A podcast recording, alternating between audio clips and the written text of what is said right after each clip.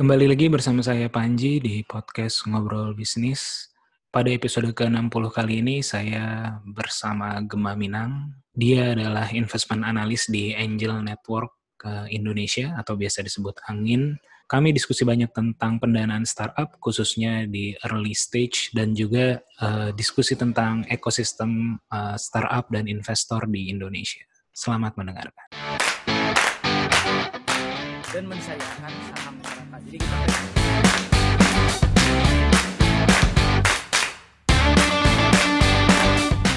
beda sama Jakarta kalau orang Bandung tuh uh, listing investasiin buat sekolah anak. Evolve into something new gitu. Kupu-kupu mungkin. Uh, ayahku tuh satpam gitu kan. Di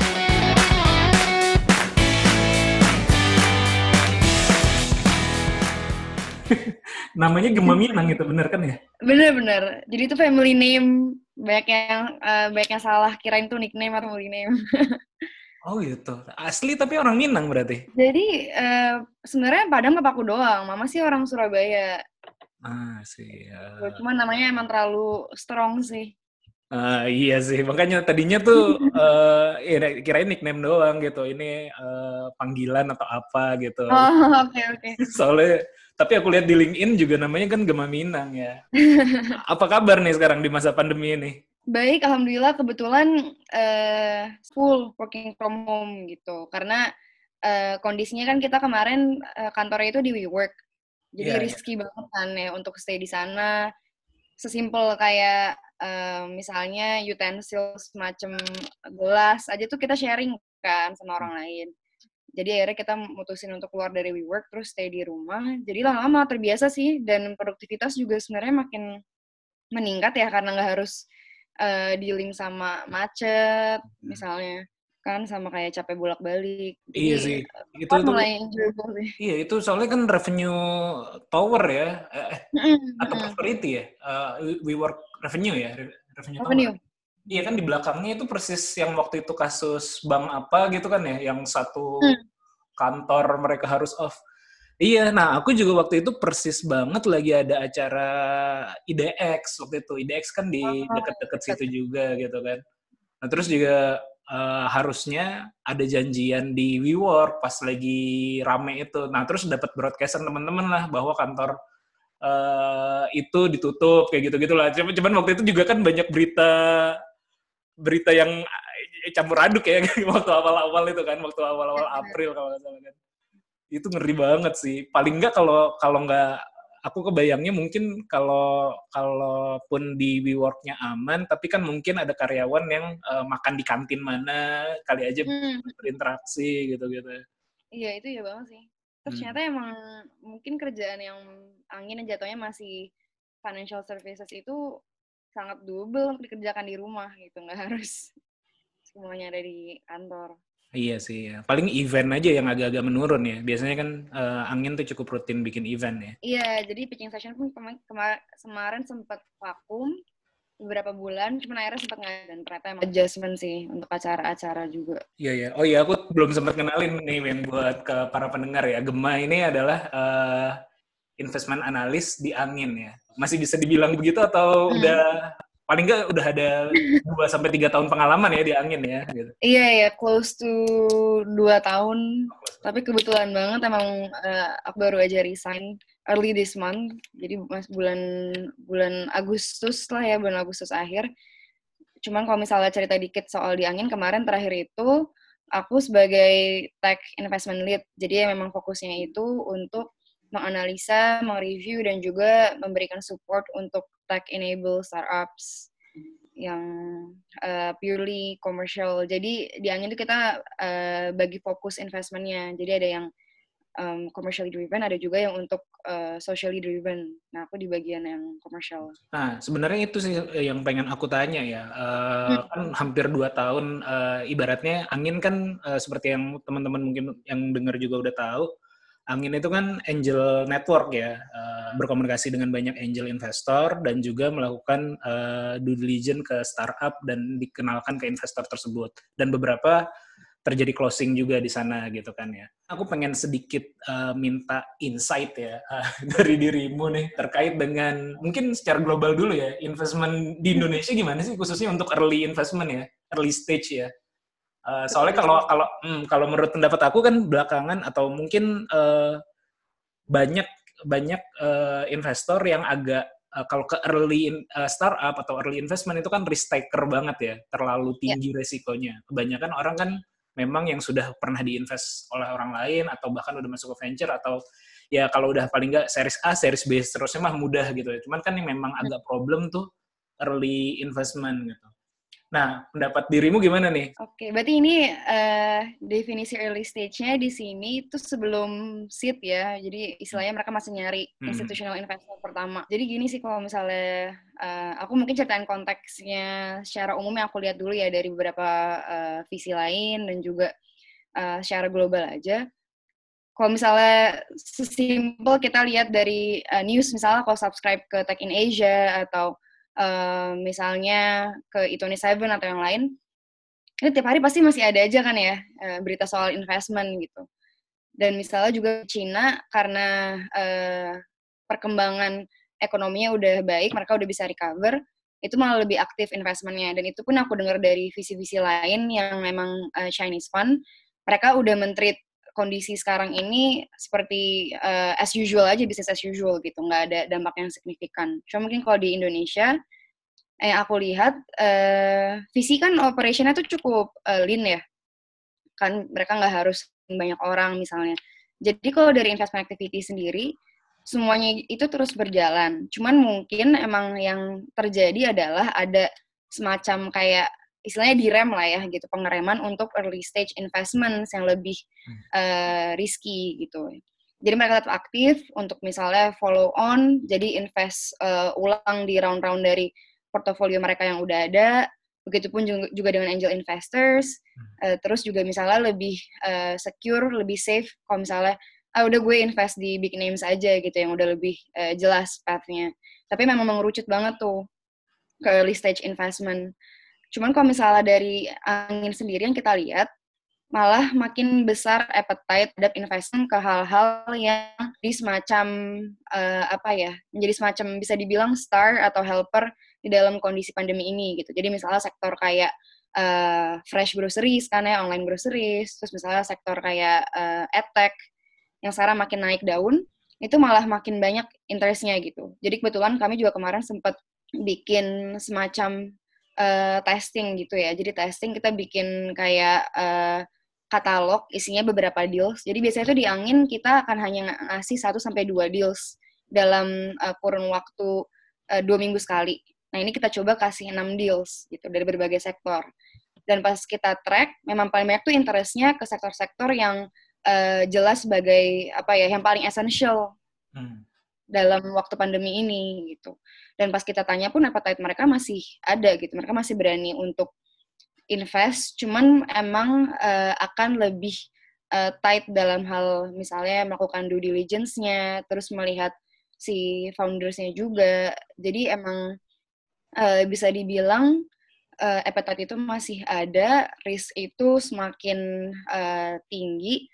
Cuman kalau misalnya opportunity itu masih luas banget, apalagi sekarang makin banyak loopholes yang ada kan gitu selama pandemi itu makin banyak service-service yang baru bermunculan pas orang-orang tunggu karena pandemi hmm. ini gitu. jadi kalau li kalau lihat dari sisi inovasi dari opportunity itu masih gede banget menurut aku gitu dan investor malah makin uh, mau mencari ide-ide baru itu yang marketnya baru muncul setelah pandemi ini ada hmm. gitu. jadi buat teman-teman early stage startups sih menurut aku coba uh, reiterate lagi, coba benar-benar pasin lagi produk market fit-nya gitu. Benar-benar dibikin uh, serelevan mungkin dengan kondisi yang sekarang.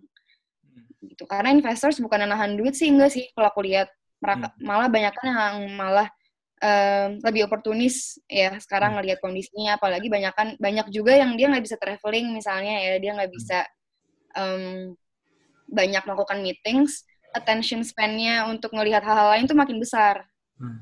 Gitu. Jadi sesimpel misalnya newsletter angin tuh lebih banyak dilihat pas hmm. selama pandemi ini bermulai gitu. Karena mungkin ya lebih banyak waktu di rumah kan mereka bisa lebih santai mereka ada waktu juga untuk ekspor eh, industri-industri baru misalnya jadi masih Iya, iya. ada banget opportunity-nya sih menurut aku Iya, iya, itu itu menarik banget sih ya. Eh, berarti semakin eh, investor pun kan eh, eh, ada yang as in- institution, ada yang as person ya, eh, yang dikelola sama Angin, yang jadi membernya Angin tuh kebanyakan eh, personal atau ada juga venture. jadi campur kan masih kebanyakan personal sih Eh, pun biasanya personal pun eh, orang yang punya venture ya biasanya, yang partner di venture ya. Iya, jadi em, background-nya macam-macam banget. Ada yang emang dia partner di venture lain, ada juga yang memang eh, istilahnya dia eh, punya family business besar gitu kan, terus di pledge beberapa uangnya untuk eh, investing itu juga ada. Dan sekarang kalau lihat dari beberapa members yang baru join terakhir itu, memang semakin banyak yang dia tuh fokus ke vertikal tertentu gitu. Jadi Hmm. emang dicocokin sama bisnis eh, lainnya mereka. Hmm, iya, iya, iya. Iya, tadi kalau yang terkait dengan pandemi benar banget sih. Kalau kalau eh, aku yang aku rasain sendiri ya, kalau aku kan di Kiwi. Sekarang kan kita agak sedikit membelokkan eh, apa ya, mungkin bisa dibilang credo ataupun eh, tagline dari bisnis kita. Tadinya kan kita eh, antrian online gitu ya. Belakangan kita lebih kayak mem- me- apa ya, membahasakan diri ya sebagai kayak crowd controlling juga gitu. Karena kan ketika antrian eh, antrian itu tidak terjadi di lokasi, artinya kita bisa memanage crowd- crowd controlnya, kita bisa memanage crowdnya gitu.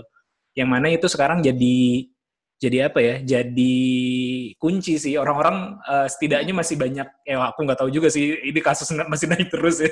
Apa? Tapi orang masih banyak yang eh, takut lah ibaratnya terhadap eh, takut terhadap eh, keramaian lah kayak gitu. Ataupun bisnis pun dipaksa eh, se- bisnis pun dipaksa untuk service yang mereka lakukan tidak menimbulkan crowd kayak gitu kan. Eh, karena ada aturan juga dari pemerintah. Jadi memang kayaknya masih masih cukup cukup cukup bagus.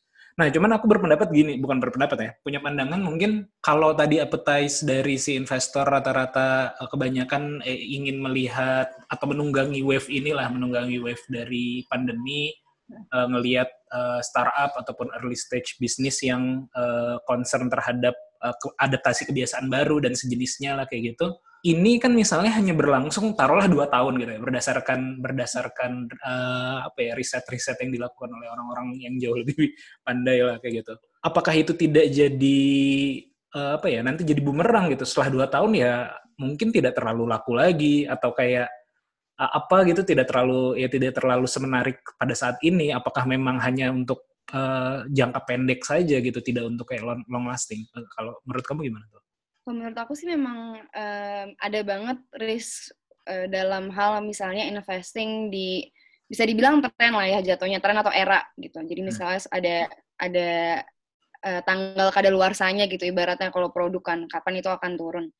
Cuma balik lagi ke dari eh, fundamentalnya startup sendiri ya bisnis model yang emang bisa terus di reiterate kan tergantung eh, apa yang market minta gitu. Jadi menurut aku sih kalau dari situ risknya nggak terlalu besar gitu. Apalagi misalnya kita eh, kalau omongin soal sesimpel misalnya eh, fresh groceries gitu, itu something yang menurut aku mau nanti udah selesai pun orang yang udah terbiasa itu udah ada semacam eh, apa ya kayak semacam eh, lemnya gitu lah. Mereka tuh udah terikat gitu dengan servisnya. Jadi dari situ sih menurut aku eh, bisa terus sustainable ya investmentnya apalagi eh, nanti kalau misalnya memang sudah bisa orang-orang keluar beraktivitas pun sesimpel misalnya attack berarti bisa jadi semacam pengantar aja ekstrakurikuler misalnya untuk eh, education yang di luar sekolah. Jadi kayak semacam eh, reiteration itu bisa terus terjadi gitu. Dan dengan nanti mungkin cost-nya akan eh, lebih murah dari gains yang udah didapatkan eh, sama startup ini dari pasar selama pandemi gitu. Jadi sih aku eh, mungkin untuk sekarang belum melihat ada semacam resiko yang terlalu besar gitu. Dibanding misalnya uh, si investor ini malah coba vertikal yang memang uh, misalnya udah ngetren lama lah gitu ya will be here to stay. Cuman uh, sekarang dampaknya terkena banget nih misalnya karena pandemi. Let's say kayak misalnya traveling. Hmm. ya yang itu bisa dibilang salah satu uh, big player juga big industry di um, di digital ekosistem di Indonesia. Cuman mungkin untuk sekarang sangat slowing down kan. Dan mungkin kalau misalnya sekarang aku lihat sendiri, surprisingly uh, cukup banyak sih ada early stage startups yang yang benar-benar masih uh, berawal gitu dan mereka pun uh, banyak kan pas kita lihat objektifnya itu memang untuk riding the wave after uh, corona gitu. Jadi mereka ekspektasinya itu akan ada langsung boom gitu. Hmm. Setelah corona selesai, orang-orang langsung pingin pergi gitu, orang-orang pingin traveling. Nah, cuman kalau misalnya um, untuk invest uh, dalam jangka waktu sekarang yang semakin uncertain dan traveling pun sangat uh, dikontrol, malah menurutku lebih uh, risky gitu. Karena GNC akan baru terjadi setelah uh, corona ini kan, setelah pandeminya udah bisa uh, slowing down lah, kurvanya udah bisa lebih um, lebih baik bentuknya dibanding kita invest yang memang sekarang udah uh, relevan terus nanti mungkin akan ada slowing down. Cuman kan bisa dibilang kalau um, kita lihat misalnya pakai produk matrix tuh ya kan ada yang uh, ada cash cow ada superstar. Kan nanti akan ada uh, titik di mana produk ini akan mencapai level maturity kan. Jadi menurutku slowing down itu emang semacam fase aja sih untuk suatu produk gitu. Dan nggak akan uh, juga mereka bisa mencapai tahap bener-bener misalnya uh, jatuhnya ambil lah ya benar-benar hilang gitu. Karena hal-hal yang diperlukan sekarang itu sebenarnya service yang sangat esensial juga gitu untuk di uh, ya era-era berikutnya. Beda sama misalnya uh, yang spesifik banget, let's say ada orang bikin automatic sanitizer dispenser. Hmm. Nah itu mungkin akan cukup short live ya bisa dibilang gitu kan akan ada tahap di mana orang-orang sudah nggak perlu beli-beli lagi gitu akan demandnya menurun drastis tapi kalau masih semacam uh, service kayak misalnya jadi bukan uh, bukan produk IoT gitu service kayak misalnya kayak uh, kayak Kiwi gitu kan untuk crowd controlling terus misalnya uh, telemedicine itu sih akan uh, selalu ada sih demandnya menurut aku. Iya iya iya betul banget sih. Uh, soalnya kalau aku lihat ya uh, ter, tergantung juga dari si bisnisnya ya. Kan memang harus terus terus berubah lah harus harus terus terus terus berubah dan segala macam apalagi uh, kalau model-model bisnis yang services sih benar tadi ya. Kayak uh, oke okay lah sekarang nih adaptasi kebiasaan baru tapi aku lihat nanti ke depannya pun akan jadi tetap uh, berjalan sih. Kayak aku misalnya di Bandung mau meeting dengan tim sama-sama di Bandung juga kalau bisa zooman sekarang ya udah zoom aja gitu loh atau online aja gitu. Aku rasa memang ada ada beberapa yang uh, kita dipaksa nih dalam beberapa bulan terakhir kita dipaksa untuk merubah kebiasaan secara ekstrim. Tapi setelah pun yang memaksa kita untuk berubah secara ekstrim ini hilang, ada tetap yang melekat gitu loh. Tetap ada yang melekat sih. Jadi jadi itu pun kayaknya akan tetap relevan lah untuk untuk uh, after covid lah misalnya ya kayak gitu ya kalau kalau kata aku sih. Oke kita balik yang ke early stage deh. Uh, kan uh, based on pengalaman ya uh, selama ini kalau matrix yang dilihat oleh para investor early stage itu apa aja sih sebenarnya ke startup? Apakah ada uh, numbers tertentu misalnya uh, traction lah let's say ataupun misalnya revenue kah atau ada ada ada apa ya apa aja sih matriksnya yang benar-benar liar ya ini buat mungkin buat edukasi kalau teman-teman mau pitch uh, ke angin nantinya ya gitu. ini kayak salah satu pertanyaan yang eh, banyak banget didiskusiin kayak antar early stage startup sama hmm. early stage investor karena memang um, istilahnya early stage itu stage yang bisa dibilang kayak gray area gitu kayak abu-abu semuanya ngawang gitu belum ada uh, belum ada pemasukan yang signifikan, misalnya progres juga belum bisa di track. Jadi sebenarnya yang kita lihat tuh apa gitu. Jadi misalnya kalau um, dari pengalaman aku sendiri dan um, throughout inilah reviewing proses di angin juga tiga hal yang banget juga ada artikel bacaan yang menjelaskan kenapa tim itu penting banget. Nah terus biasanya pertanyaan berikutnya, oke okay, kalau misalnya yang dilihat tim yang dilihat itu apa? Apakah harus misalnya experience, terus misalnya harus sekolahnya bagus, harus berpendidikan di luar negeri misalnya.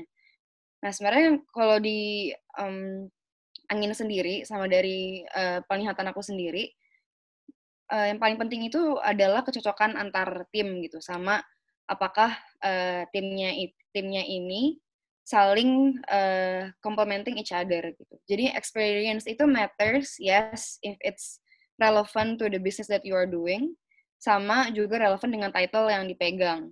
Tapi bukan juga misalnya experience itu berarti oke gue eh, berarti kalau yang CEO harus sudah punya mm, XX tahun pengalaman sebagai misalnya konsultan, harus ex McKinsey, misalnya harus ex investment banker, harus ex uh, I don't know Microsoft, Google gitu. Itu nggak juga gitu. Malah kadang-kadang kita lebih uh, apa ya memberikan reward juga untuk orang-orang yang udah punya entrepreneurship experience sebelumnya. Be it dia punya small business, dia udah pernah uh, running um, ya semacam UKM gitu ya misalnya tapi di situ kuncinya adalah mereka udah uh, tahu gitu how to run a business, how to lead a team. Gitu. Jadi experience itu bukan berarti harus memiliki background yang cemerlang banget lah. Karena belum tentu juga konsultan yang baik bisa menjadi entrepreneur yang baik. Gitu. Itu belum tentu juga. Dan kalau misalnya ngomongin education institutions pun uh, ada relevansinya juga gitu. Misalnya kalau emang dia ngambil title-nya CTO, satu team member, sebisa mungkin dia emang uh, orang engineer. Jadi misalnya kalau untuk role-role seperti CTO itu, CTO itu penting banget, education experience. Cuman um, aku yang aku lihat sih memang uh, kebetulan ada nilai lebih gitu, ada premium yang bisa dimiliki kalau memang universitasnya itu bagus. Itu itu itu ada banget biasnya menurut aku. Tapi uh, back again sekarang yang kita lihat itu tidak menjadi deciding factor yang cukup signifikan juga. Jadi jangan juga misalnya kalau emang kuliahnya uh, di university yang bagus and prestigious itu belum tentu juga bisa mendapat investment gitu. Kalau misalnya uh, kurang bagus, misalnya kurang cocok, terus uh, sama team members juga ada semacam kayak uh, kesenjangan gitu. Nah, terus bagaimana kita ngelihatnya gitu, tim members yang baik itu kayak gimana? Jadi kalau udah lihat dari experience, cocoknya, terus dari misalnya sebenarnya juga uh, biasanya kan kalau first meeting kita bisa melihat langsung kan ya. Jadi kita juga bisa menilai dari cara mereka berkomunikasi gitu dan juga ethics.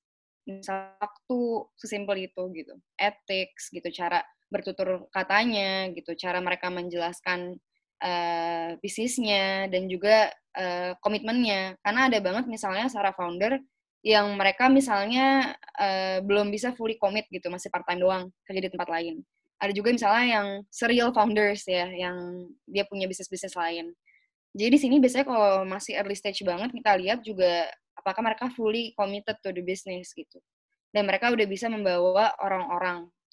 Kenapa itu penting gitu? Kalau mereka udah bisa membawa tim uh, tim members yang bisa full time juga berarti udah ada orang-orang lain yang percaya dengan apa yang bisnis ini lakukan.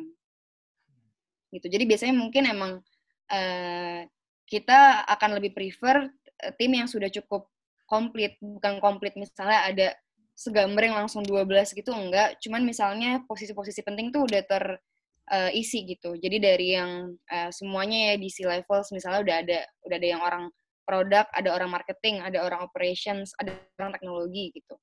Uh, karena another crucial point is sekarang yang kita lihat tuh banyak banget uh, startups yang belum punya CTO hmm. gitu. Jadi biasanya mereka uh, isinya itu orang-orang bisnis, orang-orang marketing, really good at selling their uh, service or product, visi misinya juga bagus. Cuman pas kita uh, omongin soal produk itu jadi salah satu cost terbesar mereka yang harus mereka bayar. Karena biasanya harus kerja sama agency harus hire developer yang lepasan gitu. Nah itu jadi semacam red flag juga sih gitu. Jadi kelengkapan tim tuh penting banget. Karena at early stage masih uh, kuncinya itu adalah membangun produk kan produk yang benar benar ready untuk dijual ke pasar dan bisa pasar terima dengan uh, harga yang oke okay juga gitu. Berikutnya uh, kalau tadi Mas sempat ngomongin apakah revenue atau gimana, uh, kita tinggi fully aware ya kalau misalnya early stage itu ada beberapa juga yang masih di tahap MVP misalnya, hmm. belum bisa ada revenue sama sekali.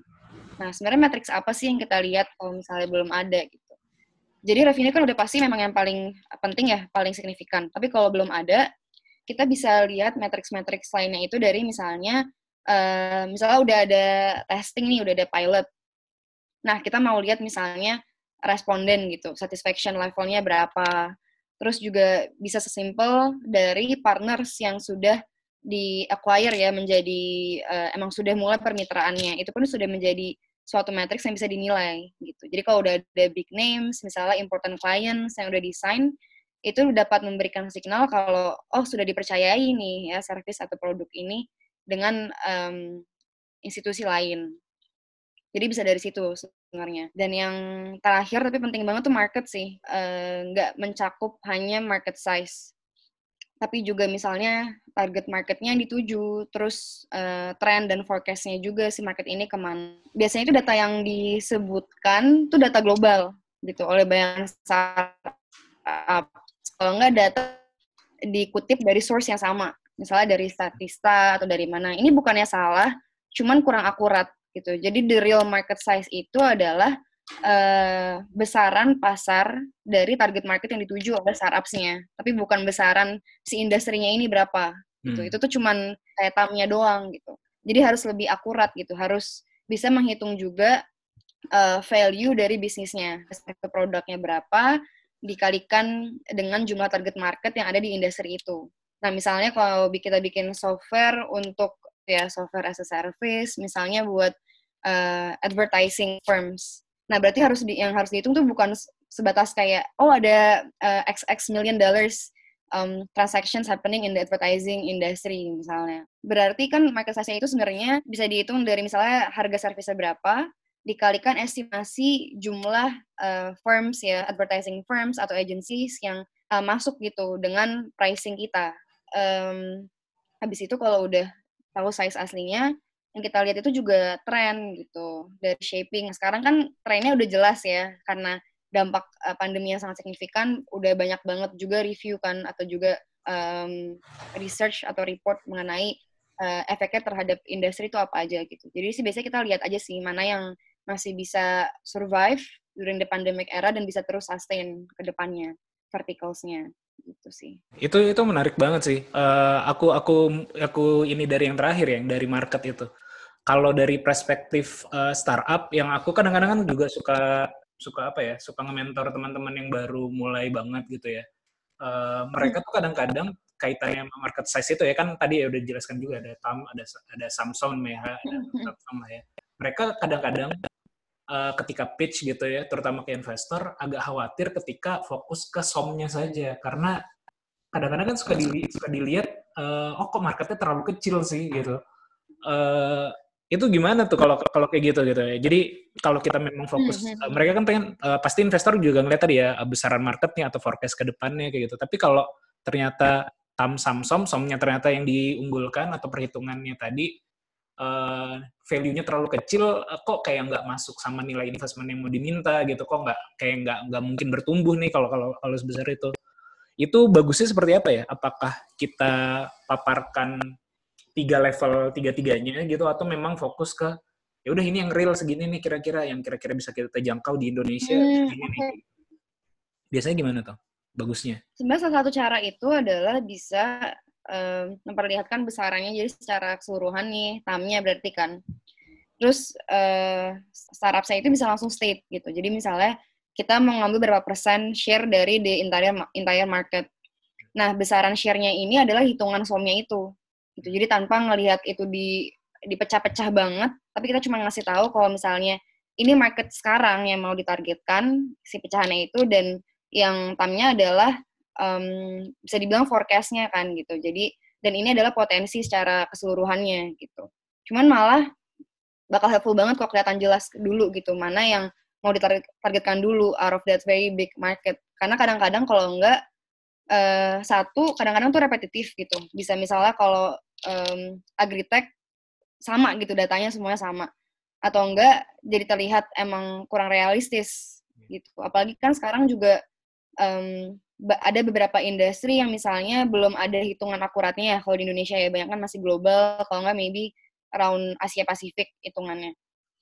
Jadi sebenarnya ini cara lebih strategis aja sih. Cuman pas ditampilkan di pitch deck bisa ditampilin dua-duanya gitu. Tanpa memperlihatkan kalau uh, marketnya cuma sebesar si besaran kecil itu doang somnya bisa dibilang aja kayak ya, misalnya ini tam dan kita mau ngambil berapa persen dari tamnya ini untuk sekarang. Misalnya the next three years gitu.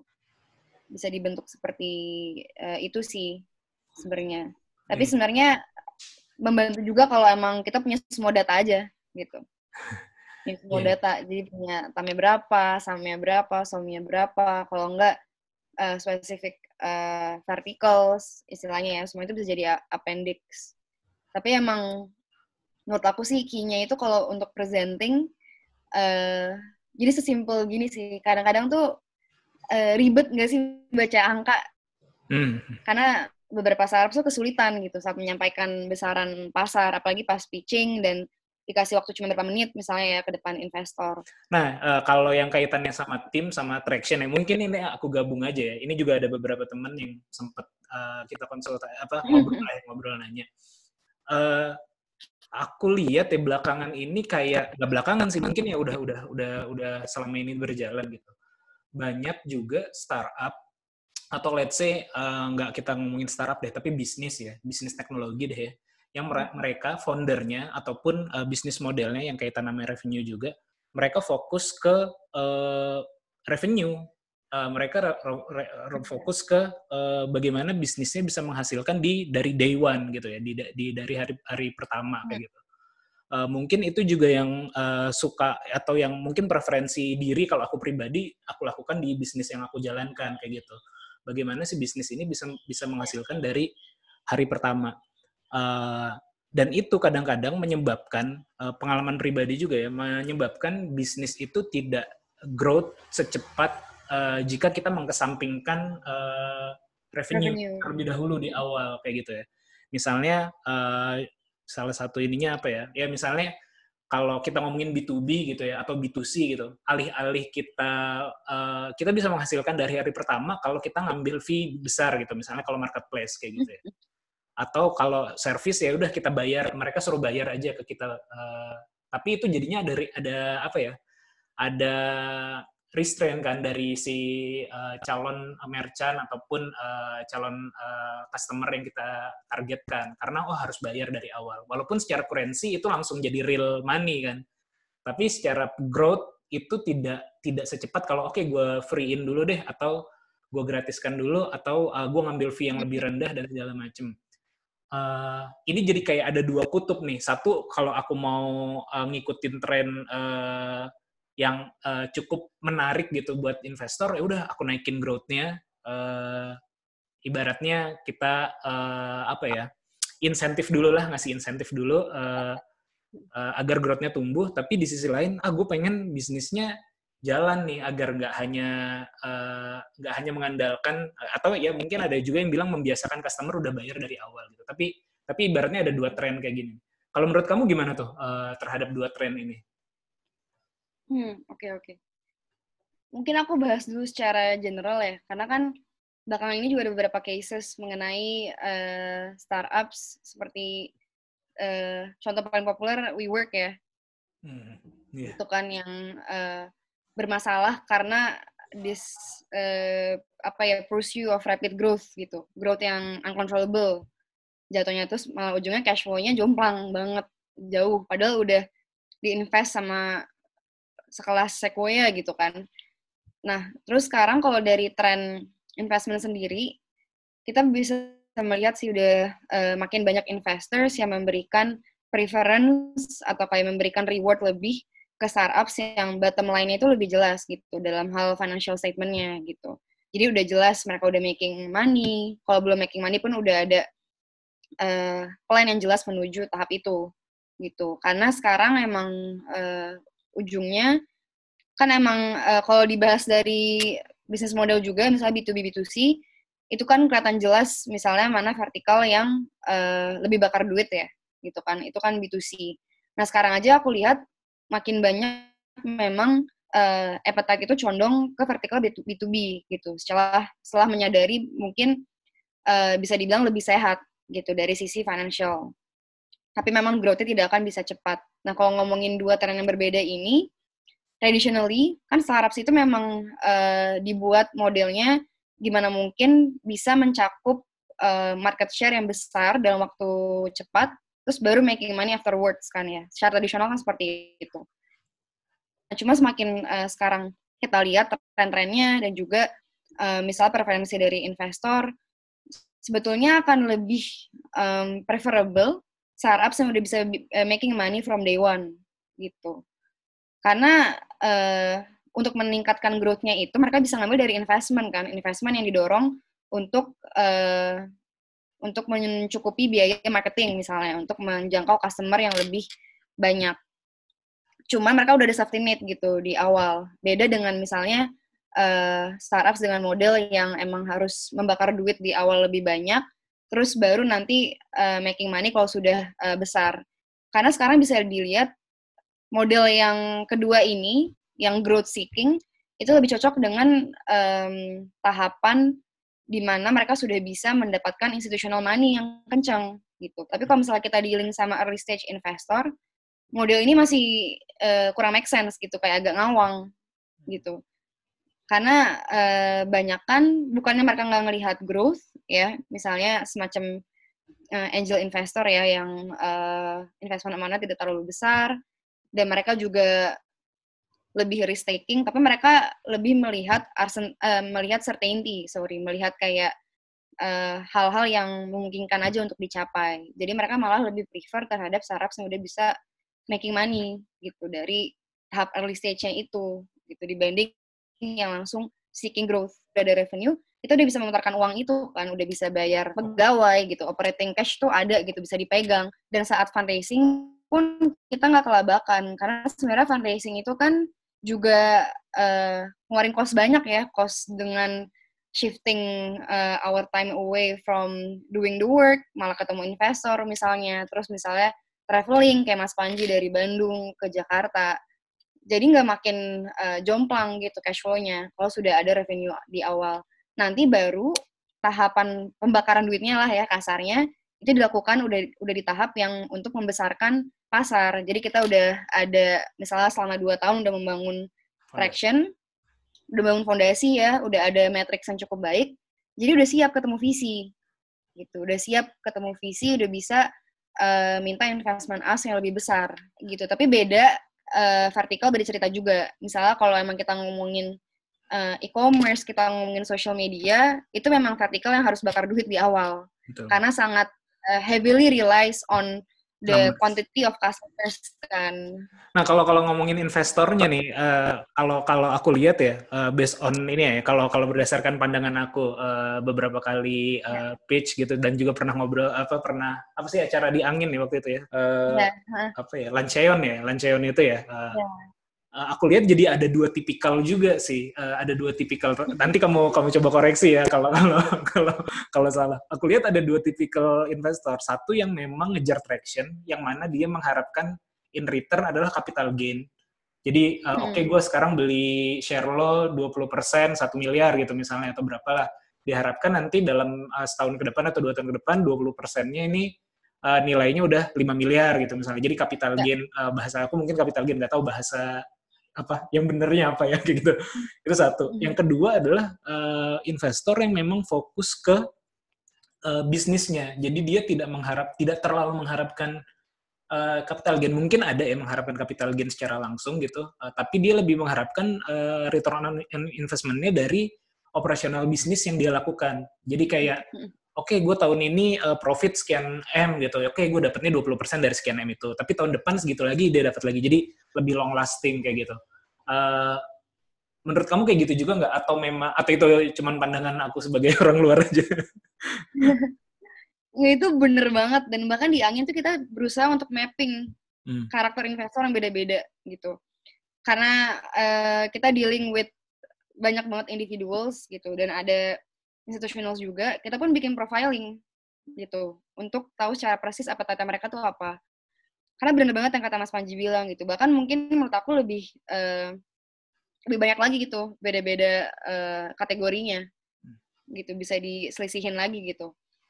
Uh, karena ini balik lagi uh, mungkin ya aku kaitkan juga gimana caranya startups mengenali investor ya gitu. Jadi sebelum kita bertemu karena aku pernah banget beberapa kali beberapa kali lah dengar cerita atau melihat secara langsung startups yang berusaha ketemu semuanya gitu, semua investor diketemuin, semua visi diketemuin. Nah, menurut aku ini nggak efisien sama sekali gitu, karena objektif dan cara investasi yang beda-beda. Jadi ada memang misalnya emang yang fokusnya ke high growth business, orangnya oportunis gitu ya, jadi dia berani invest di any vertical yang memang lagi hot misalnya dan yang dilihat adalah capital gain yang signifikan di akhir.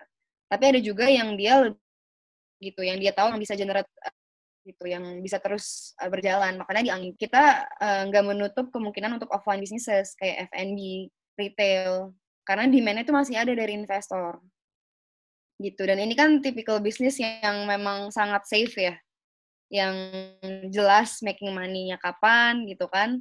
Terus operating cost-nya juga nggak terlalu besar misalnya. Jadi kita juga nggak uh, menutup kemungkinan di situ. Jadi penting banget untuk uh, pas nyari investment pertama kali kenalin dulu profil investornya baik-baik gitu. Jadi misalnya uh, harus mikir secara strategik sih dengan kebutuhan yang beda-beda gitu. Misalnya pertama nyari uh, pre-seed round gitu ya. Bisa cari dulu yang orang emang ada di industri itu. Jadi dia bisa ngasih expertise juga. Dia nggak melihat nggak um, nggak mau nyari growth yang uh, macam-macam juga. Misalnya growth yang cukup bisa dibilang gradual ya, jadi secara berkala naik naik naik, tapi nggak harus drastis, tapi bisa bantu uh, merampungi gitu bisnisnya. Nanti baru misalnya kalau ada uh, round berikutnya bisa masukin investor-investor yang oportunis gitu, yang dia lagi melihat agritech, tapi melihat yang high growth, cuman dia bisa ngasih bantuan uh, investment juga kan, uang juga. Di saat di tahapan yang kita udah berani untuk ngejar growth juga. Jadi bisa lebih strategik sih. Karena visi aja punya spesifik investment appetite gitu. Yang menurut aku itu semua tersedia jelas profilnya ada di websitenya, ada di LinkedIn-nya, jelas partikel apa yang dia cari gitu kan. Terus uh, range tiket saya saya juga uh, berapa. Jadi sebenarnya kayak dua sisi gitu gitu. Jadi investor belajar soal startup, tapi startup juga harus belajar soal investor. Iya ya, menarik banget itu. Kalau kalau dari angin sendiri sebenarnya uh, lebih condong uh, ke sisi yang mana sih sebenarnya kalau kalau boleh kalau aku lihat kan kalau angin bisnis modelnya sebenarnya kalau aku bisa meraba gitu ya bisnis model angin itu sebenarnya membership yeah. fee dari investor ya yang untuk mereka uh, angin yeah. memprovide mereka dengan uh, ibaratnya dengan uh, portofolio startup atau profil startup yang kira-kira dinilai oleh angin uh, memadai nih untuk bisa present ke mereka kayak gitu kan. Hmm. Berarti kan kalau dari sisi kalau aku ngeliatnya dari luar berarti kan sebenarnya berusaha melihat dari sudut pandang si investor kan. Benar atau salah? Iya, benar. Jadi sih kita bisa dibilang jatuhnya uh, jadi bukan broker tapi kita sebagai semacam um, fasilitator gitu. Fasilitator yang membantu proses investmentnya. Jadi bahkan kita pun di awal dapat inquiries orang yang mau join angin pun kita juga screening dulu investornya gitu. Jadi kita juga mau tahu jelas apakah mereka apakah dia gitu regardless of the investment activities ya misalnya mau bener-bener uh, newbie gitu dalam dunia startup investing pun uh, welcome aja. Tapi kita mau lihat secara jelas value yang mereka bisa kasih dan juga appetite-nya juga kira cocok atau enggak dengan uh, dengan sarap-sarap yang sekiranya masuk gitu yang ada di angin, ada di pool of our network. Cuma kalau ngomongin tadi masalah uh, investment appetite kali ya jatuhnya, sebenarnya sih kalau lihat dari portofolio angin dan uh, karakteristik investor sih lebih banyak ke, ke condong uh, ke yang melihat dari ROI aja sih return on investment gitu karena early stage startups itu uh, bisa dibilang sangat uh, risky kan. Kalau sudah ke tahap growth, uh, itu udah langsung uh, kita share ke visi sih gitu. Jadi memang Angin tuh fokusnya di early stage gitu, di early stage startup. Saya masih pada tahap uh, validasi bisnis model dan juga uh, pada tahapan uh, mencakup market share lebih besar gitu. Tapi belum di tahap growth. Karena biasanya kalau udah uh, kita dapat pitch deck misalnya uh, yang diminta let's say udah 1 million gitu ya 1 million US dollars. Bahkan misalnya udah lebih dari 500 ribu aja. Itu udah kita kasih ke teman-teman VC gitu. Karena itu bukan target market kita gitu. Ya kalau kalau kita ngomongin Indonesia secara global apa secara umum ya nggak nggak nggak hanya dalam konteks COVID ini uh, banyak komplain gitu ya atau banyak studi sih sebenarnya yang aku lihat juga. Sebenarnya uh, apa ya uh, model kayak Amin ini belum terlalu banyak di Indonesia. Artinya banyak banget hmm. startup hmm. yang uh, memang kesulitannya itu di early stage funding sih sebenarnya. Hmm. Seperti tadi aku bilang ya statementnya bahwa kalau kalau uh, ya kalau udah masuk ke visi mah pasti bisa bergulir terus tuh dari uh, seed, udah langsung ke series A dan seterusnya dan seterusnya gitu. Tapi justru yang jadi PR banget uh, kalau kita ngomongin ekosistem ya uh, secara secara keseluruhan itu justru di early seed-nya ini, di early early funding-nya ini untuk untuk untuk untuk startup kayak gitu. Mungkin atau bagaimana ya uh, caranya biar ekosistem ini tetap tetap bagus gitu, biar yang early kalau kita ngomongin supply and demand gitu kan. Kalau orang-orang uh, hanya mau invest di uh, yang sudah uh, jalan gitu, yang sudah besar lah ya ibaratnya, yang sudah masuk ke ya tadi let's say 1 million ya gitu uh, atau di atas 500 ribu uh, USD kalau based on angin tadi. Uh, kalau sudah fokus ke sana, banyak yang fokus ke sana, artinya fokus yang di bawah di situ kan hilang ya.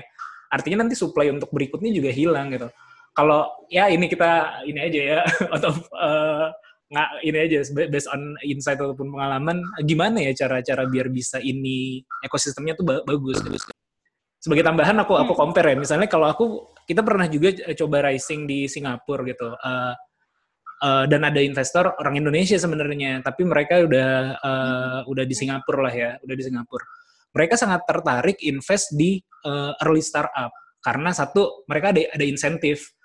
Kalau nggak salah tuh 50% dari nilai yang mereka investasikan uh, insentifnya berupa potongan pajak. Jadi misalnya mereka investasi 500 uh, USD eh, atau Singapura dollar lah, mereka dapat potongan pajak 250 itu secara langsung gitu kan. Itu itu luar biasa banget gitu. Nah di kita tuh belum nggak tahu ya kita nggak tahu ngomongin regulasi enggak juga tapi uh, uh, yeah. gimana menurut kamu gitu? Sebenarnya ini interesting banget. Jadi karena kebetulan uh, kemarin itu uh, ada salah satu project angin kebetulan aku juga berpartisipasi. Kita sempat nge-assess um, kemungkinan gitu ya kolaborasi antara ekosistem startup Indonesia dan Belanda gitu. Dan memfokuskan pada enam sektor gitu. Jadi ada uh, agri, health tech, waste, sama water management gitu. Dan kemarin tuh aku berkesempatan juga jadinya bisa traveling gitu kan, ngelihat perkembangan uh, di Belanda tuh kayak gimana, ketemu ekosistem player segala macam. Jadi di sini tuh emang kelihatan jelas banget kalau the macro level ya. Jadi ngebahas soal pemerintah dan regulasi juga yang cukup uh, minim gitu, minim insentif dan juga supporting measures yang bisa gitu. Jadi misalnya contoh uh, paling simpel di Belanda itu banyak banget uh, inkubator atau accelerator program yang didanain oleh pemerintah dan mereka udah langsung terfokuskan ke spesifik verticals gitu. Jadi bahkan di Belanda uh, kan ada salah satu university uh, yang uh, terbagus ya untuk agriculture studies di Wageningen. Jadi bahkan mereka tuh ada semacam kayak uh, Silicon Valley tapi khusus untuk agriculture di situ yang banyak insentif dari pemerintah disalurkan. Karena back again kalau kita ngomongin early stage startups development tuh kayak chicken and egg problem kan gitu. Gue mau develop produk uh, tapi gue butuh uang. Pas gue nyari duit orang mintanya produknya jadi gitu kan. Jadi kejar-kejaran. Dan ternyata emang kalau aku lihat misalnya di Belanda itu uh, banyak banget program yang memberikan grant gitu. Banyak banget emang insentif di awal dari pemerintah yang mereka uh, kembang mereka salurkan untuk startups ini untuk bisa mencapai tahap produknya ready lain gitu. Jadi nggak ada chicken and egg problem lagi. Jadi banyak banget capacity building ya, training gitu misalnya. Terus ada juga misalnya program khusus partnership dengan uh, private sector atau dengan korporasi. Menurut aku ini penting banget gitu. Kenapa? Karena jatuhnya win-win solution dan juga bisa minimalisir cost development kan. Kalau misalnya mereka misalnya bisa pakai unit facilities-nya perusahaan, let's say kan. Tapi at the same time nanti perusahaannya bisa langsung mengekspor teknologi baru ini. Dan itu mungkin yang aku lihat masih uh, dikit gitu bentuk-bentuk program capacity building di Indonesia itu masih terbatas uh, inkubator, accelerator yang sangat general gitu. Nggak fokus pada suatu vertikal, terus nggak fokus terhadap suatu klien misalnya dan juga nggak uh, mentandemkan lah startups ini dengan experts di bidangnya gitu. Kalau aku lihat sih ya paling uh, uh, paling istilahnya signifikan dampaknya itu kalau memang kita punya program yang sangat uh, spesifik gitu. Kalau untuk ekosistem yang aku lihat itu harus lebih banyak sinergi, sinergi antar beberapa startups dan juga ini masuk lagi ke misalnya sinergi uh, dalam tahapan misalnya senior junior jadi yang metro stage startup bisa bantu yang junior gitu saling banyak um, mentorship gitu karena ujung-ujungnya sih kalau kita cuma ngandelin program inkubator atau accelerator gitu. Uh, not saying that mereka nggak useful, mereka udah sangat membantu banget ekosistem ini gitu kan, dan jumlahnya juga udah makin banyak programnya. Tapi harus lebih strategik sih gitu. Jadi kalau bisa, kalau ngasih mentorship ya ambillah emang yang startup founder gitu. Investor juga penting, ekosistem player juga penting jadi mentor. Cuman mungkin di tahap untuk how to fundraise. Tapi untuk di tahap inkubasi bisnis, menurut aku presence-nya startup founder yang udah sukses itu penting banget gitu karena mereka yang udah pernah ada di posisi yang sama gitu jadi penting banget misalnya Anji bilang Mas Anji suka ngasih uh, mentorship kan ya ngobrol-ngobrol itu harus bisa lebih ditingkatkan sih gitu jadi bahkan dibikin komunitas khusus spesifik uh, industri gitu jadi resources tuh bisa di share dulu tanpa harus bakar duit banyak banyak di awal karena yang paling challenging memang di Indonesia ini belum didukung banget nih menurut aku secara ekosistemnya sama pemerintah. Oke, udah ada gerakan seribu startups misalnya. Oke, udah ada uh, grant juga dari Kemenristek, tapi masih sangat minim jumlahnya. Dan banyak juga pengalaman yang misalnya di link sama program pemerintah, itu ujung-ujungnya kena ini aja sih kayak kena, kena birokrasi gitu. Entah misalnya uangnya cair lama gitu kan. Kalau nggak reportingnya juga ribet. Uh, jadinya mereka harus ngambil jatuhnya malah keluar kos lagi gitu walaupun dapat duit. Jadi untuk sekarang karena belum ada semacam let's say tax incentive di Singapura terus belum ada uh, sovereign fund kayak Hazanah di Malaysia yang bisa ngasih uang langsung ke startups. Jadi kita harus banget uh, besarin di sense of uh, community sih community in special and specific verticals gitu community antar early stage startups. Dan bener-bener naikin juga kolaborasi sama sinergi gitu. Karena ujung-ujungnya kalian tuh bukan kom, kom, bukan saling berkompetisi gitu. Sebenarnya kalian tuh saling bantu satu sama lain. Bisa banget teknologinya merging gitu kan. Terus kalau kita lihat Gojek juga ujungnya tuh banyak banget emang make uh, teknologi dari startup-startup lebih kecil kan sama dia diambil. Jadi kolaborasi tuh has always been a key in ecosystem development. Cuman kayaknya masih kurang di embrace gitu atau mungkin masih ngeliatnya kayak ah enggak lah itu kom kompetisi gue gitu. Atau gimana. Padahal menurut aku penting banget. Itu win-win kok. Itu beneran win-win solution buat kita survive dulu sekarang ini. Karena emang ekosistem kita uh, belum well developed lah bisa dibilang gitu. Kalau dari supporting sistemnya ya. Iya, cuma kadang kalau kalau antar startup itu sebenarnya aku karena udah cukup lama berkecimpung di bisnis ya, maksudnya aku kadang-kadang tuh ego sih. Jadi oke okay lah kalau aku udah ada, ada nothing, udah udah apa ya, ya udah di umur segini udah nothing tulus lah sebenarnya gitu. Cuman kalau untuk yang anak-anak muda tuh banyak yang uh, ego sih.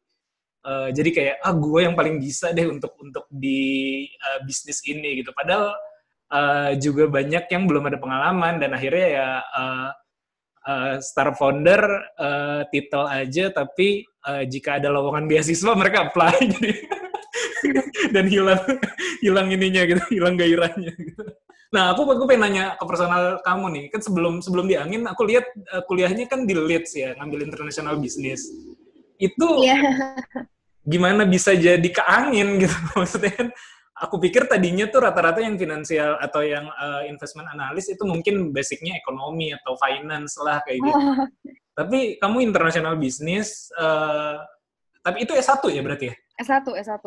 Ah, S1 ya. Iya, gimana tuh perjalanannya bisa begitu? Jadi sebenarnya gini sih, bisa dibilang international business itu luas banget gitu. Jadi bener-bener kalau uh, bisa ngelihat kayak sekarang graduates-nya gitu ya dari major ini tuh berbagai macam profesi gitu. Jadi ada yang ke financial service, ada yang benar-benar ke banking misalnya capital markets, ada yang dia ke consultant gitu, ada yang dia khusus marketing.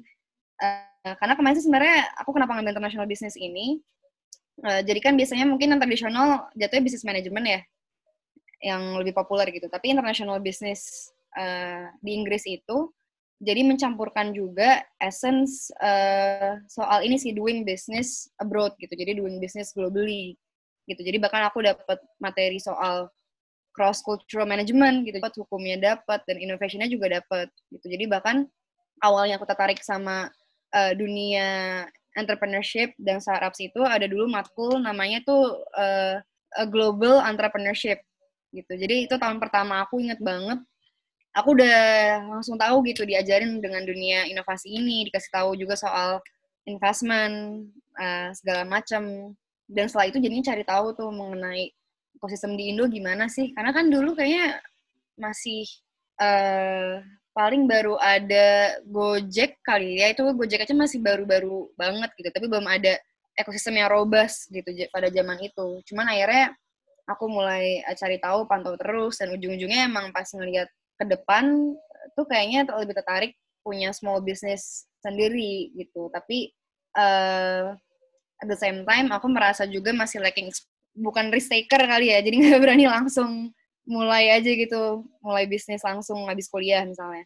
Jadilah akhirnya aku merasa tahapan awalnya untuk belajar dari sisi investor dulu gitu. Sisi dari investor biar kita paham appetite-nya mereka apa, kita paham juga misalnya yang mereka lihat dari bisnis itu uh, gimana dan juga aku langsung terekspos sama berbagai macam bisnis model. Jadi langsung pas kemarin aku mulai cari kerja tuh langsung fokus nyarinya emang visi-visi di Indo gitu. Karena kebetulan major aku fleksibel banget gitu, cukup luas cakupannya walaupun nggak fokusnya ke finance, tapi cocok dengan angin karena angin kan ngelihatnya early stage startups ya yang belum uh, jelas uh, juga kan gitu dari sisi um, financial reportingnya gitu. Jadi banyak kan tuh yang kita assess emang kualitatif datanya. Lebih ngeliat ke strategi. Jadi cocok banget sebenarnya sama major aku dulu gitu ya. Banyak kan soal manajemen, strategi. Jadi akhirnya aku sempat apply dan dulu bahkan uh, susah banget nyari lowongan divisi gitu. Jadi masih karena masih kayak uh, apa ya kayak close network gitu dikit banget yang mencantumkan uh, job vacancies di websitenya itu satu gitu. Terus mau cari reference juga nggak kenal gitu siapa-siapa. Dikit banget karena kan emang cukup kecil kan ya dunianya dan orang-orangnya juga nggak banyak. Akhirnya dulu aku berani kirim cold emails ke orang-orang di LinkedIn yang kerja di divisi. gitu sampai akhirnya aku lihat angin ada job openings. Kayak dulu sempat aku apply juga di MDI, di Alpha, tapi beberapa misalnya karena memang mereka nggak perlu orang yang banyak kan, mereka lagi nggak hiring, ada yang bales lagi nggak hiring, gitu. Jadi bahkan yang lucu tuh dulu pas aku udah dapet di angin gitu, itu kan bulan Desember, terus bulan Januarinya orang Alpha kontak gitu, jadi baru sempat ngeliat message gitu kayak dia, dia ngundang interview. Tapi udah dapet. udah dapet. ini di, di tempat aku lagi ini deket deket jendela jadi kedengeran suara azan tipis-tipis.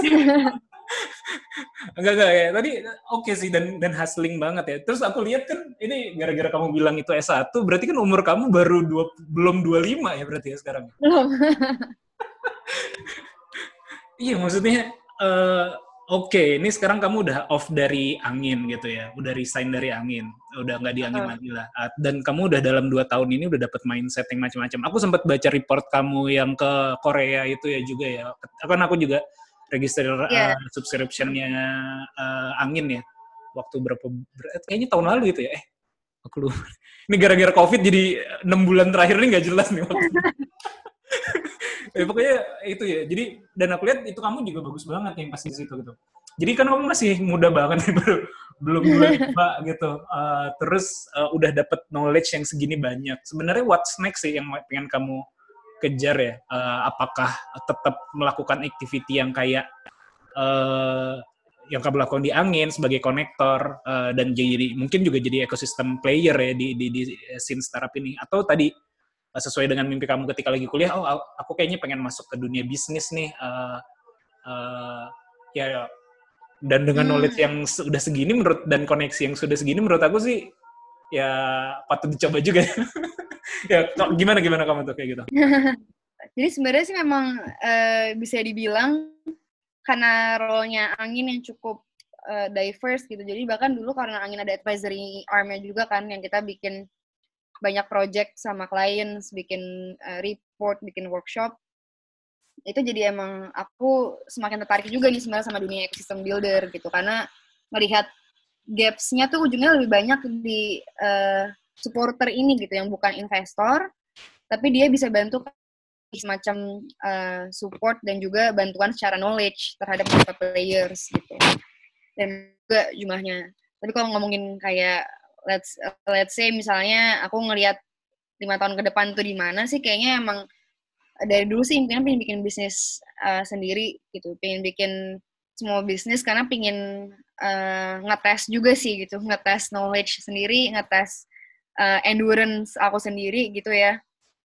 Seberapa seberapa bisa sih istilahnya tahan dan seberapa bisa juga misalnya uh, membangun bisnis sendiri ini gitu gitu. Not saying atau bukan juga ngerendahin orang-orang yang misalnya kerja uh, masih kerja di kantor kerja di perusahaan atau gimana tapi aku ngerasa emang uh, life experience-nya itu jauh lebih banyak aja sih. Kalau misalnya kita udah di titik yang bisa uh, bisa ngelihat ide kita sendiri terrealisasikan dan juga bisa memanage dan responsible untuk orang banyak gitu. Karena aku juga tertarik dengan konsep um, sebenarnya udah nggak mau nyebut social enterprise karena agak conflicting gitu ya. Enterprise tuh nggak bisa social. Tapi bisa dibilang uh, sama sama. aku, venture.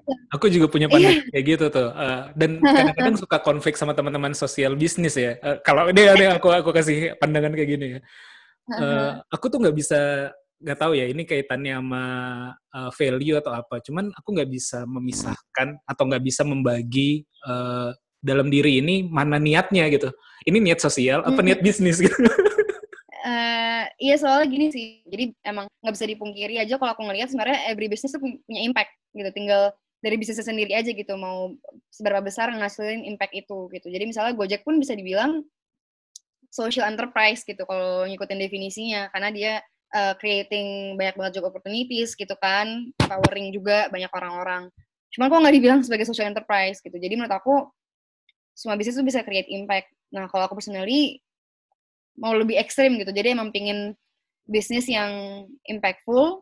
Jadi aku nggak ada kepikiran misalnya buat jadi unicorn atau gimana. Cuman aku pingin bikin bisnis yang emang bisnis itu empowering orang-orang empowering community gitu. Jadi emang making profit yes. Tapi juga uh, ngasih opportunity buat orang-orang untuk bikin untuk making profit juga jadi aku emang lebih condong ke sana sih jadi lagi gali-gali juga tapi tetap terus interest uh, projectnya Angin, entrepreneurship modules, jadi kayak training program buat UMKM di Ambon.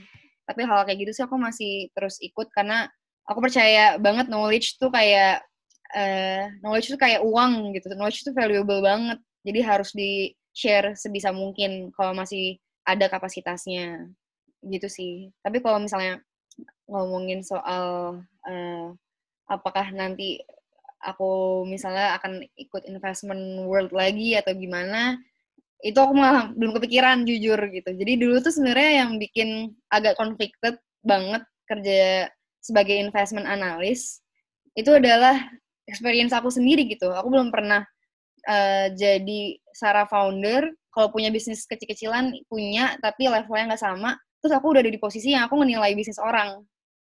Itu sempet kayak conflicting banget early gitu kayak sempat ada pertanyaan kayak gila gue siapa sih? gitu.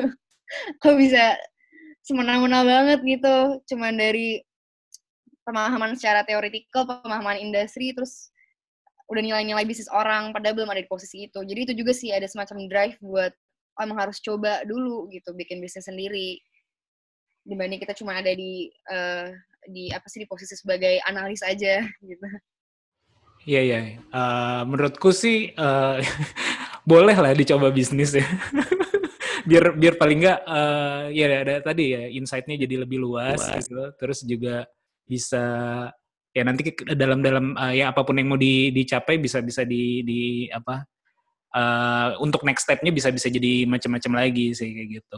Kebetulan aku juga lagi bikin ini sih, lagi bikin ah aku juga lagi bikin community hub gitu sih sebenarnya uh, uh, buat teman-teman hmm. para uh, startup founder sama juga yang aku sasar adalah uh, digital creator dan sebenarnya dari obrolan tadi uh, secara tidak sadar uh, hal-hal itu yang aku lakukan di komunitas tersebut gitu yaitu sharing tentang hmm. uh, potensial grant yang memang tadi ya kita untuk masuk ke early stage memang kayaknya butuhnya grand deh di awal nih dari hmm. government kita lokal ataupun internasional karena sebenarnya aku lihat justru malah kalau kita ngelihat ada gap uh, grand dari atau hibah dari pemerintah nih pemerintah kita lokal kecil Tapi ternyata dari luar tuh banyak banget gitu. Iya, bener banget. Bahkan kan uh, Kiwi termasuk tahun 2017 kita juga sempat dapat grant dari luar dan itu uh, itu lumayan. Akhirnya aku aku share-share uh, link-link ataupun uh, uh, apa ya potensial-potensial atau challenge-challenge yang kayak gitu sih untuk teman-teman lokal sih. Uh, hmm.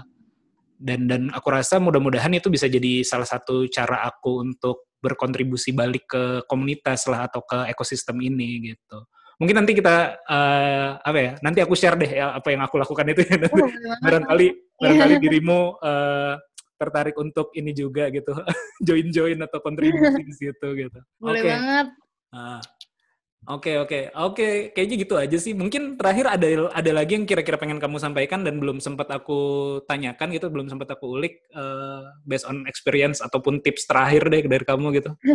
Aduh, oh mungkin um, closing remarks aja sih. Hmm. Aku juga ngucapin makasih banyak sekali lagi buat Mas Panji udah diundang uh, untuk mengisi podcastnya gitu. Mana sempat kayak agak bingung nih nggak apa nggak aku udah nggak diangin. Cuman makasih udah dikasih waktu. At least masih bisa ya sharing-sharing lah ya. Terus aku juga open banget gitu buat uh, sharing lebih jauh atau berkolaborasi juga sama teman-teman sekalian, sama Mas Panji, sama community atau sama hmm teman-teman semua yang uh, dengerin. Uh, karena sebenarnya back again to closing remark aku sih, aku cuma mau ngebahas aja soal how to cope with uh, pandemic. Dan juga how to cope with um, secara simply to keep your business going lah gitu ya. Karena ada banyak banget kan cases uh, makin uncertain semuanya gitu, uh, behavior customer berubah, behavior investor uh, berubah. Terus kalau ngomongin harga raw materials pun juga berubah gitu sekarang. Jadi uh, sebisa mungkin terus ambil fresh mindset gitu secara bulan gitu, eh tiap bulan gitu. Jadi berusaha aja gitu ya, jangan uh, termakan ego untuk duit gitu. Ini tuh crucial moment banget di mana kita harus bisa mungkin balik lagi ke nilai Indonesia gotong royong ya. gitu.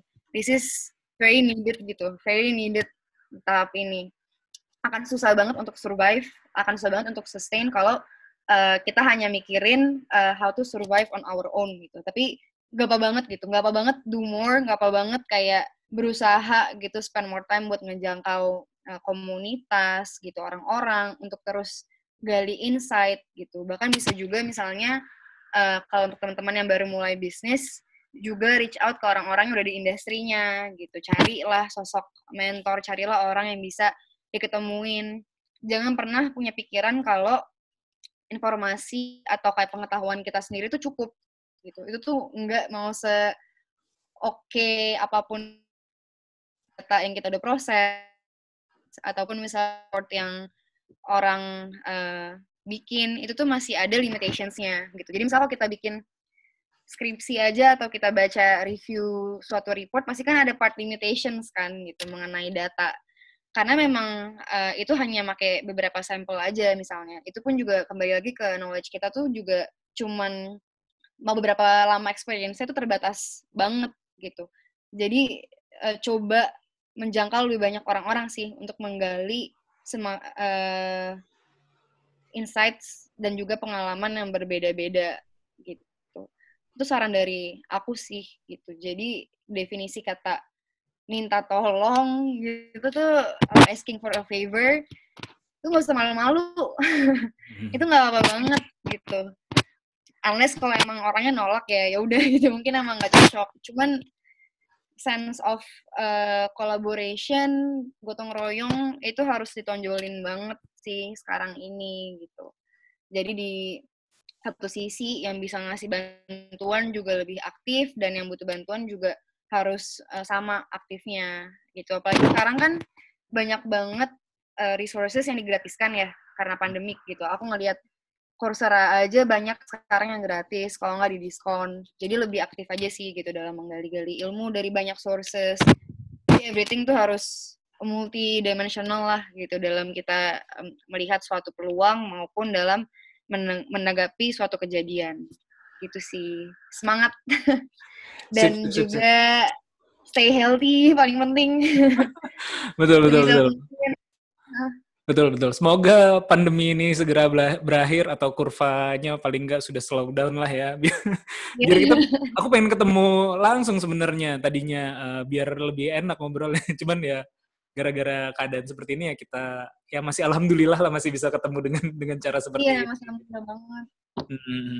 Oke, thank you Gem ya. Eh, sukses terus apa yang dilakuin. Eh, semoga eh, apa yang di mau dikerjain lancar gitu. Dan knowledge-nya sih mudah-mudahan ya dengan kita ngobrol kayak gini banyak banyak insights yang bisa di- diambil oleh aku sendiri secara pribadi dan juga Mhm. eh, aku rasa nanti pendengar-pendengar eh, podcast ini lumayan eh, banyak yang bisa diambil sih.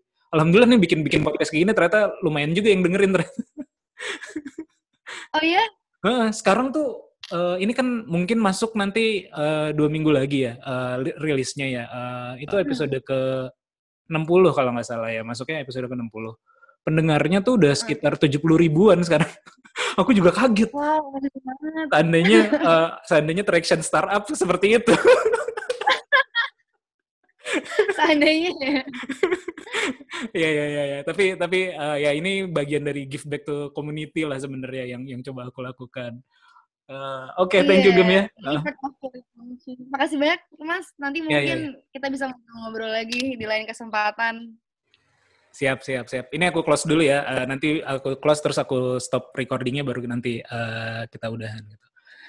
Ya, terima kasih yang udah dengerin podcast ini. Eh, eh, mudah-mudahan apa yang kita obrolin ada manfaatnya. Sampai ketemu di podcast eh, ngobrol bisnis episode selanjutnya. Bye.